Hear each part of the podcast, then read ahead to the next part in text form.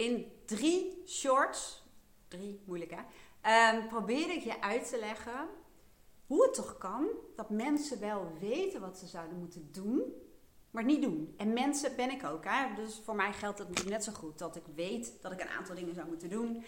En ik doe het niet. Of ik stel het uit. Of uh, nou, wat het dan ook maar is wat ik doe. En ik ga in deze video, want die hoef ik niet in één minuut te doen, ga ik je even het hele complete plaatje uitleggen. Um, en met een plaatje bedoel ik ook vaak letterlijk een plaatje, omdat ik een plaatje uh, teken. Ik zit even te kijken of er een boekje om me heen ligt, maar ik ga het wel uh, visualiseren. Nou, um, als iemand bijvoorbeeld, ik, ik, ik zit even te denken welke voorbeeld ik, Het is misschien een cliché voorbeeld, maar um, ja, wel een die heel veel mensen wel herkenbaar vinden.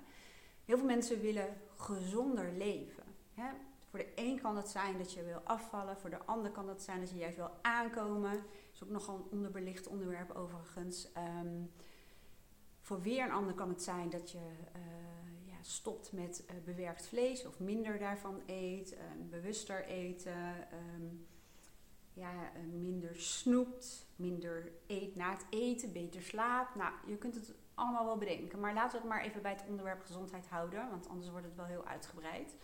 Um, in mijn coachopleiding kreeg ik deze methode en um, samen met een zin dat Um, weerstand is een onlosmakelijk onderdeel van verandering. Dat is gewoon zo. En in de coaching leerden we zeg maar om te werken met de weerstand. weerstand is er niet voor niets. En die weerstand druk ik uit in een drempel. De drempel om te doen wat je eigenlijk zou moeten doen. Ik teken dan meestal dus die drempel zo. Joep, en dan zet ik aan de ene kant, schrijf ik samen met mijn klant, hè, door, door, door te vragen van wat is het nou, hè, wat, je, wat je op dit moment dan doet, het niet effectieve gedrag. Ze noemen dat met deze methode ook wel de gehanteerde strategie. Hè. Het is vaak een onbewuste strategie. Nou, vaak zeg maar altijd. Um, al ben je er wel bewust van, maar je handelt er niet naar, laat ik het zo zeggen. Nou, dus laten we een rijtje van dingen, uh, laten we even bij het afvallen houden. Hè. Dat iemand zegt, ja, of gezond leven, het lijkt allemaal op elkaar van uh, het ineffectieve gedrag is, probeer even op te halen uit allerlei coachings die ik heb gehad, um, is door uh, toch tussendoor te gaan snacken, door um, te kiezen voor snel eten, uh, voor, voor even naar de patatzaak gaan of toch eten laten bezorgen, nou dat soort dingen. Nou, er zitten drie redenen als het ware in die drempel die samen de drempel vormen. Dus ik, in die drempel zet ik drie bullets altijd. En bovenin zet ik de eerste bullet behoeften. Daar kom ik zo meteen op terug. En op de tweede aannames, op de derde angsten. Dus die drie dingen maken onderdeel uit van die drempel. Aan de andere kant van die drempel ga ik met mijn klant inventariseren. Maar wat zou dan het effectieve gedrag zijn? De beleden strategie noemen ze dat. Dus wat zou je eigenlijk moeten doen. Nou, dan sommen we even een rijtje op. Hè. En heel vaak um, ontdekken we samen al dat er wat denkfouten in zitten. Of dat de lat te hoog ligt. Of dat het veel te absoluut is. Of dat het uh, mega conflicteert met andere behoeften. En dan kom ik meteen eigenlijk bij die eerste bullet in mijn drempel. Behoeften. Ons brein, hoe ga ik dit nou even in het kort uitleggen? Um, werkt voor 95, 96 procent onbewust op basis van uh, programmering. We zijn nog steeds geprogrammeerd als, um, alsof we nog in de oertijd leven. In de jager-verzamelaar uh, tijd, om het zo te zeggen. Ons brein is wat dat betreft heel erg gericht op overleven. Ook op voortplanten, maar laten we het even bij het overleven houden. En uh, heel erg gericht in het hier en nu. En staat ingesteld op schaarste en tekort. En het analytische brein, het bewuste brein waarmee we echt nadenken, strategisch kunnen nadenken, ja, dat bestaat maar, of tenminste dat, uh, moet ik het zeggen, 95% onbewust, 5% bewust. Dat, dat 5%, dat kleine stukje, daar moet je het van hebben, wil je voor de lange termijn plannen maken en dergelijke. Maar voor nu is het belangrijk om te weten dat ons brein, wat dat betreft, primitief is eigenlijk het heel slecht woord, want ons brein is gewoon briljant. Alleen nog niet zo aangepast aan de wereld waarin we leven van overvloed en dat soort dingen. Um, maar ons brein is heel gericht ook op de korte termijn behoeften en kan niet goed onderscheid maken. Als er bijvoorbeeld heel veel eten is, dan ehm, ja, staat het brein ingesteld op je moet zoveel mogelijk eten, want morgen kan er wel geen eten meer zijn. Dus weet dat dat allemaal speelt. Dus neem het jezelf ook niet heel erg kwalijk. Hè? Uh, hou die zweep maar gewoon in de kast of waar je die ook bewaart. Uh, in een paardenstal neem ik aan. Maar goed, dat is weer wat anders. Um, nu, denk, nu denk mijn innerlijke criticus. Ik heb in het begin van mijn uh, coachingperiode echt stalkers gehad. Ik denk, oh mijn god, ik hoop niet dat mensen hier rare dingen op gaan reageren. Maar dat is weer wat anders. Dus ik ga gewoon even door. Ah, zo gaat dat. In mijn hoofd en waarschijnlijk ook in jouw hoofd. Ik was gebleven bij dat zweepje, maar ik bedoelde eigenlijk, leg die lat niet hoog. En um, hoe meer je snapt van je brein, en dat vind je allemaal bijvoorbeeld op mijn website, op mijn podcast, um, hoe meer je daarop in kunt spelen. Het is ook niet voor niets dat als je gaat kijken op een um, vakantieboekingssite, als er bijvoorbeeld staat, er kijken op dit moment nog drie anderen naar deze hotelkamer. Of uh, op is op. Of uh, om 12 uur vandaag verloopt de aanbieding. Of uh, mis het niet. Dat is allemaal om dat brein van ons te prikkelen om tot actie over te gaan. Dus um, ja, het is ook niet raar dat je verleid um, raakt door allerlei dingen. Want marketing is ook gebaseerd op um, de manier waarop ons brein werkt. Dus om dat eventjes in gedachten te houden, dan kan ik nog wel een keer een andere video over maken als je dat interessant vindt. Uh, weet je dus dat ons brein zal gaan voor de korte termijn bevrediging. Nou, in het voorbeeld dat iemand gezonder wil leven, en laat ik het dan even toegespitst houden, bijvoorbeeld even op voeding, dan um, zijn er dus conflicten. Dus aan de andere kant van de drempel staat het gedrag dat je zou moeten vertonen, maar dat conflicteert met belangrijke behoeften. Stel dat die persoon um, een hele dag heeft gewerkt, is moe en wil eigenlijk maar één ding en dat is opladen. En dat is ook iets wat het brein wil vanuit de overlevingsmechanisme. Het wil energie besparen. Dan is het nog wel conflicterend um, als je een doel hebt gesteld om bijvoorbeeld allemaal groenten te snijden of bijvoorbeeld um, naar de supermarkt uh, te gaan of de groenteboer, wat dan ook, om gezond voedsel te halen en dat te bereiden. Um, helemaal als je bijvoorbeeld ook nog eens een keertje niet heel erg van koken houdt, hè, want dat kan ook een, een, een rol spelen. Dan um, is het logischer, dan is het helemaal niet zo heel erg raar dat je valt voor gemak eten. Of dat als je al weinig energie hebt, dus dat is dus de behoefte uh, ja, aan gemak, um, de behoefte aan energie, hè, de behoefte aan tijd besparen, energie. Hè, um, ons brein associeert ook bepaald eten met energie, bijvoorbeeld uh, suiker natuurlijk. Dus het is niet zo heel raar dat ondanks dat je voor jezelf doelen hebt gesteld van dit ga ik doen en dit ga ik volhouden, dat het niet lukt. Want het conflicteert als een malle met hele belangrijke behoeften. Dus dan hebben we even de eerste bullet aangestipt. En dat kan ook gaan over slapen en op tijd naar bed gaan. Want stel dat je dat elke keer voorneemt, maar um, je bent op visite of er komen mensen. En je vindt het lastig om tegen ze te zeggen, nou ik wil nu eigenlijk naar bed. Dan is er een behoefte bijvoorbeeld om uh, goedgekeurd te worden of om erbij te horen. Die kan heel dwingend zijn. Uh, of je vindt het zo gezellig. En dan is er weer een andere behoefte die conflicteert met je langetermijndoelen. Oké, ik denk dat we dan de eerste bullet die in die drempel zit wel aardig toegelicht hebben. En is dat niet zo, dan uh, laat het weten. En dan um, kan ik misschien eens een andere video opnemen. Maar de tweede bullet, dat is um, het woord aannames. We hebben ook vaak aannames, doen we, over als we bepaald gedrag gaan vertonen. Bijvoorbeeld gezonder eten, meer bewegen. Dan zijn er allerlei aannames en een paar daarvan zal ik noemen. Bijvoorbeeld, het gaat toch niet lukken. Ik ga toch weer terugvallen. Um, het duurt te lang. Ik kan dit niet. Um, in mijn familie uh, hebben ze allemaal overgewicht. Dus uh, het is gewoon wat het is. Um, het gaat me heel veel tijd kosten. ja, bedenk ze maar. Ik kan, ik, kan echt, ik kan hier wel een uur over doorpraten. Alle aannames die ik ben tegengekomen. ik kan daar nu wel eentje die heeft helemaal niks met gezond leven te maken. Uh, die heeft niks met gezond leven te maken. Wou ik zeggen, een beetje grammaticaal kromme zin. Maar ik heb op advies van mijn dochter een groen scherm gekocht voor de video, zodat ik ook de achtergronden kan veranderen. Lijkt me super leuk. En ik heb ook um, idee, en zeg even als je het leuk vindt of niet, om vanuit uh, voice dialogue met al die verschillende kanten in de bus. Om vanuit de verschillende kanten van mijzelf naar situaties te bekijken.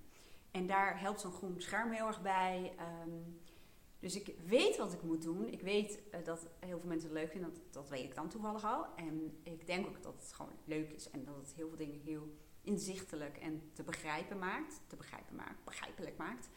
Um, en ik doe het niet. Ik heb het nog niet gedaan. En ik heb dat groene scherm al heel lang in huis. En waarom is dat?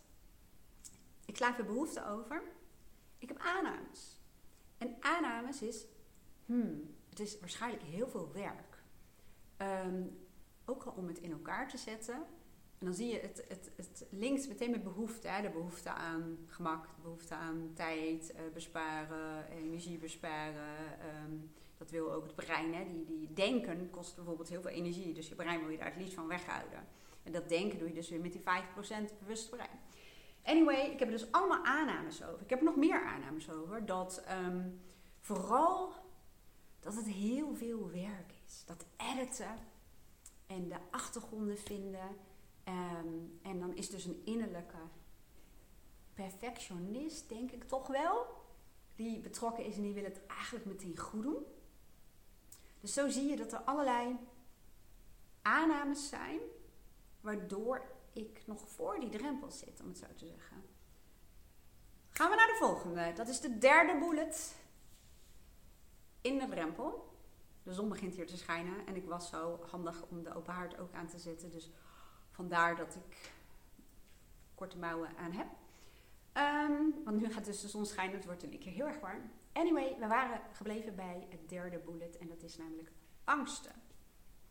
Wat ik je net al vertelde, dat, um, dit vertelde ik volgens mij in de short, maakt niet uit. Maar ik onderzoek ook met uh, klanten van welke angsten liggen eraan ten grondslag dat je niet doet wat je eigenlijk zou moeten doen. En die is vaak soms best wel hartverscheurend. Omdat heel veel mensen zich helemaal niet bewust zijn van die angsten. Maar angsten, het voorkomen daarvan, dat is zo dwingend. En dan kun je nog zo'n uh, plan hebben gemaakt. Maar het is zo dwingend en het is heel vaak als je rationeel kijkt naar die angsten, die ik dan vaak meeschrijf met mensen, zeggen ze: Ja, ik zie dat, dat er staat. Ik heb het gezegd. En rationeel weet ik dat het helemaal niet zo is. Maar toch, onbewust, hè, die 95%, programmering, conditionering, die vindt dat wel. Jouw innerlijke angst, zullen we maar zeggen, die, die man, daar is het heel reëel voor.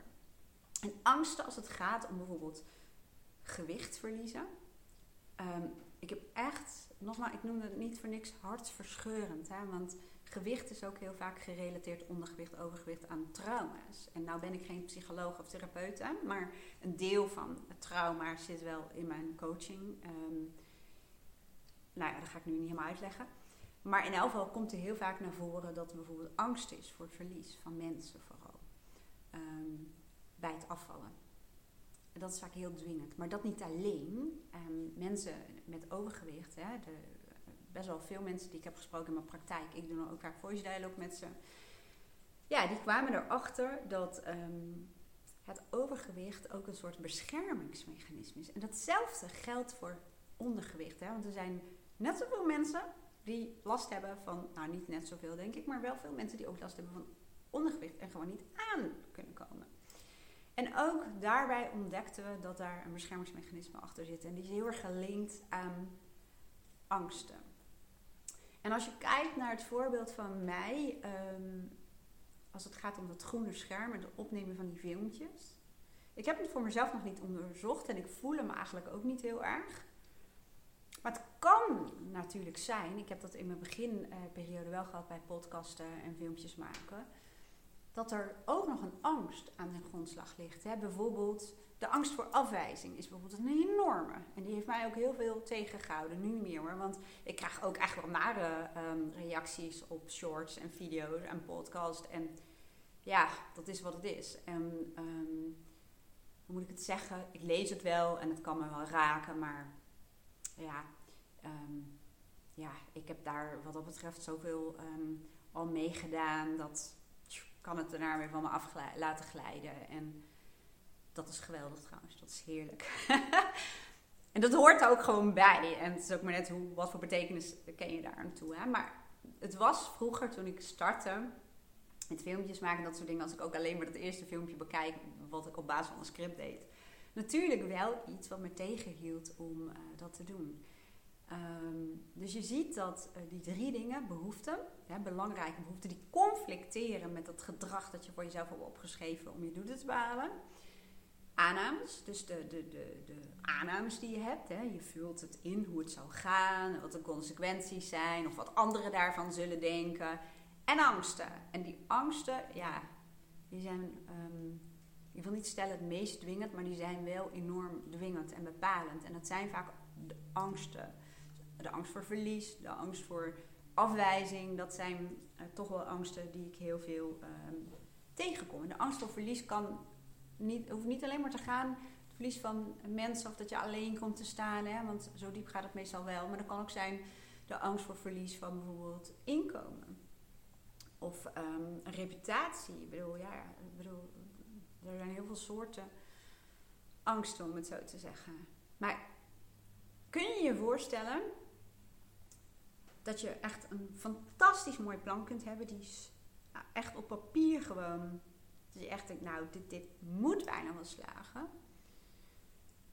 Maar dat het gewoon niet lukt. En de meeste mensen geven zichzelf op de kop.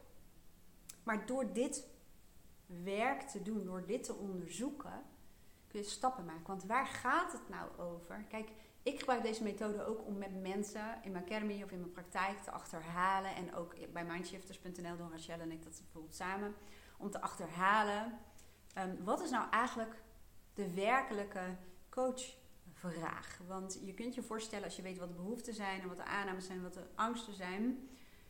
Um, dat het vaak wat dieper ligt. Dat je vaak nodig hebt om bijvoorbeeld um, een helder beeld te hebben en te geloven in het resultaat en de voordelen daarvan echt te voelen. Dat je ook echt emotioneel daarbij betrokken bent. En dat je als het ware je brein uh, script, dus nieuwe scriptjes aanmaakt die ervoor zorgen dat je daarheen gaat.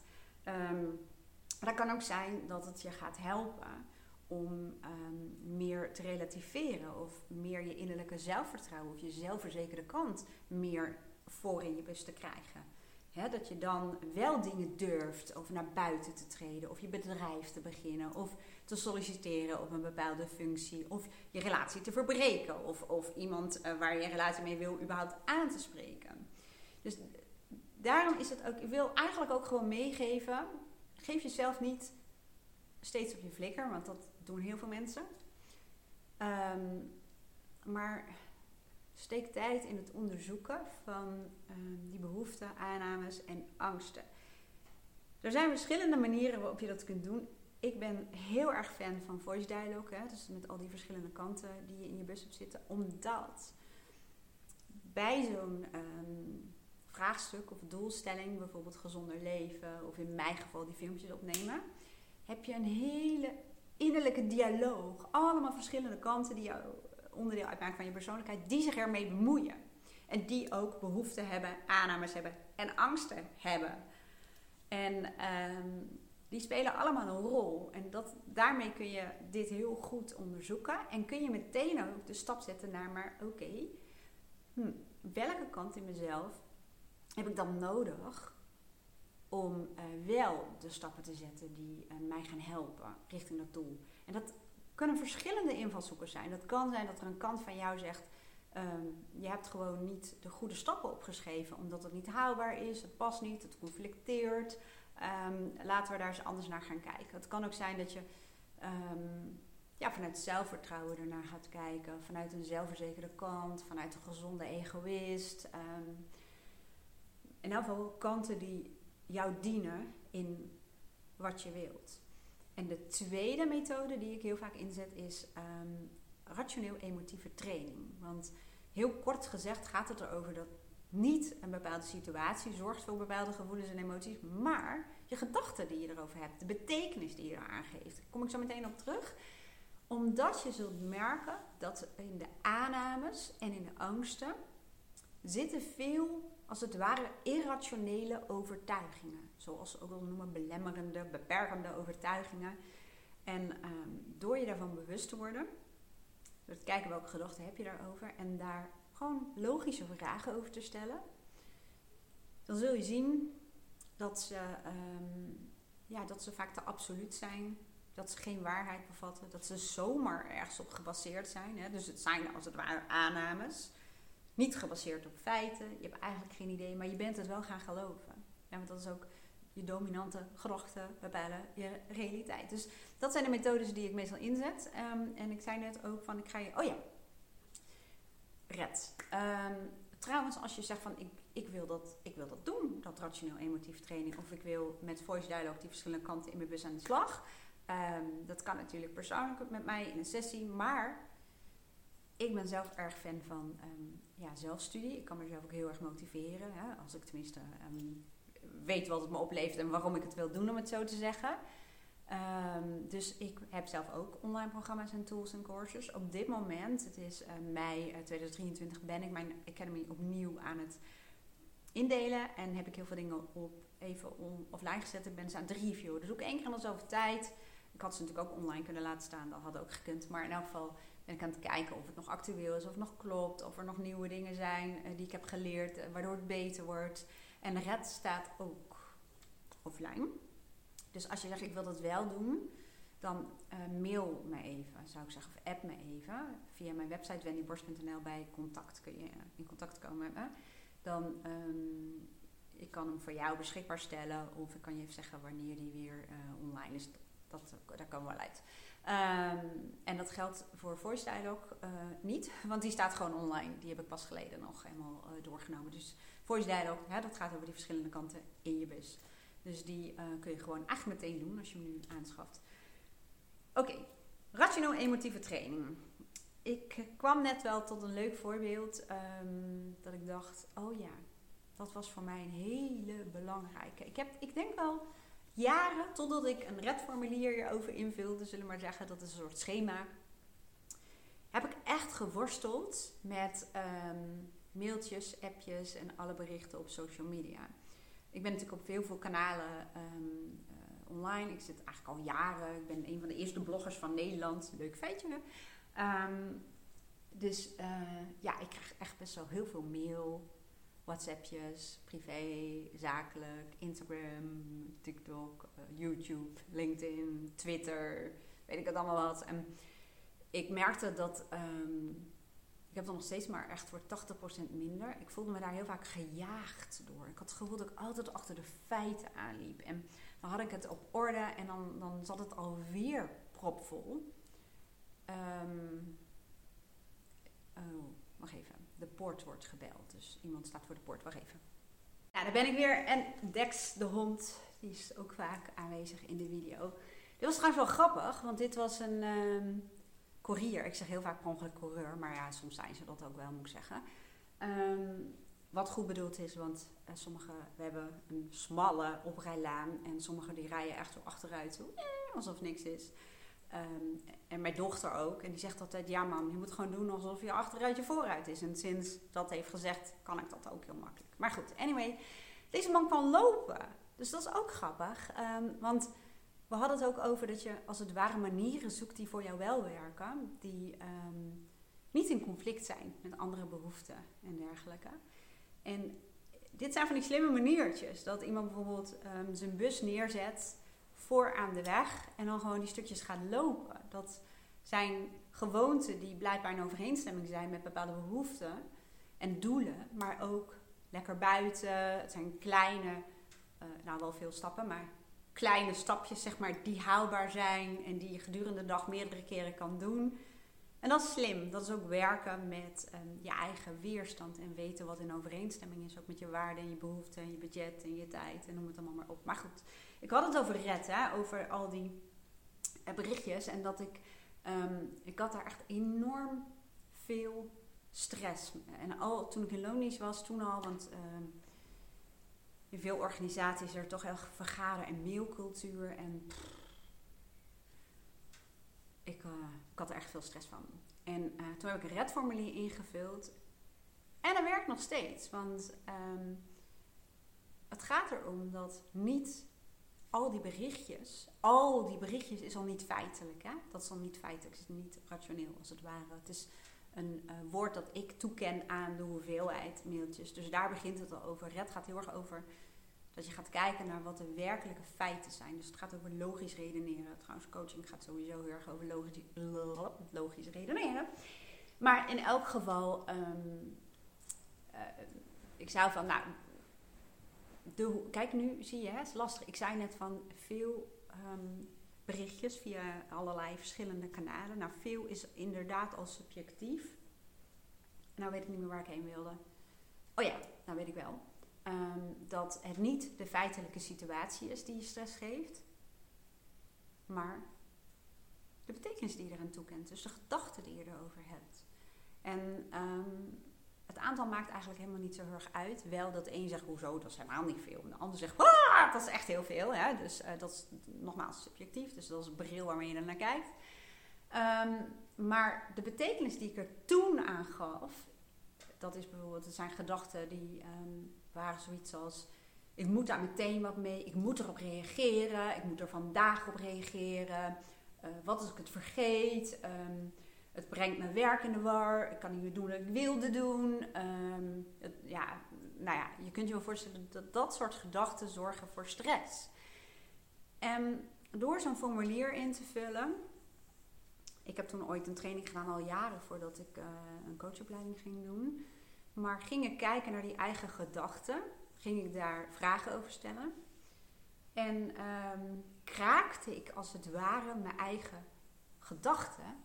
En ging ik daar nieuwe gedachten over formuleren die een stuk genuanceerder waren. Het gaat er niet om dat je gaat omdenken. Dus je zegt, ah, helemaal geen um, geen probleem ermee. Of um, het zijn maar niet veel mailtjes. Of ik reageer gewoon helemaal niet. Hè, maakt niet uit. Dat is het niet. Dat is niet de bedoeling. De bedoeling is dat je de scherpte eraf haalt. Dat je het minder absoluut maakt. En dat je kijkt welke normen liggen er aan ten grondslag die conflicteren met belangrijke waarden en behoeften. En um, dat is het werk eigenlijk. Dus je geeft als het ware een andere betekenis aan. En dan gaat het wel werken. Terwijl de hoeveelheid um, mailtjes, appjes en social media berichten is alleen maar toegenomen. Maar mijn stress, ja, die is er niet meer. En natuurlijk kan het me af en toe wel triggeren, maar ik kan mezelf daarna weer, um, ja, hoe moet ik het zeggen? Ik zucht al zo van, ja, het is ook een beetje relativeren. En um, bewust erover denken. Want uh, het gaat ook heel erg weer over voice dialogue. Dat, en dan sluit ik af hoor, anders wordt het allemaal te ingewikkeld. Maar um, trouwens, daar ben ik ook voor jou aan het bepalen. Dat is ook, dat is ook maar een aanname. Misschien kun jij gewoon nog zes uur uh, uh, kijken en luisteren, geen idee. maar goed, nu ben ik zelf een beetje afgeleid om te denken: oh mijn god, iemand moet wel heel erg moe zijn. Maar dat is ook weer een aanname. Kijk, zo zie je hoeveel aannames je in het dagelijks leven doet. En nou ben ik even de raad kwijt, wat wil ik ook weer zeggen over red en die aannames. En voice dialogue, dat is het. Dat um, als ik bijvoorbeeld mijn mailbox open of mijn WhatsAppjes zie uh, binnenkomen. Ik heb al die notificaties trouwens uitgezet. Maar um, als ik door mijn WhatsApp scroll en dan zie ik allemaal van die nee, groene bolletjes. Zijn echt groene bolletjes. Oh, en ga je door. En op Instagram ook. Dan um, merk je dat je kijkt niet als chauffeur van die bus alleen maar mee hè, naar in dit geval al die berichtjes.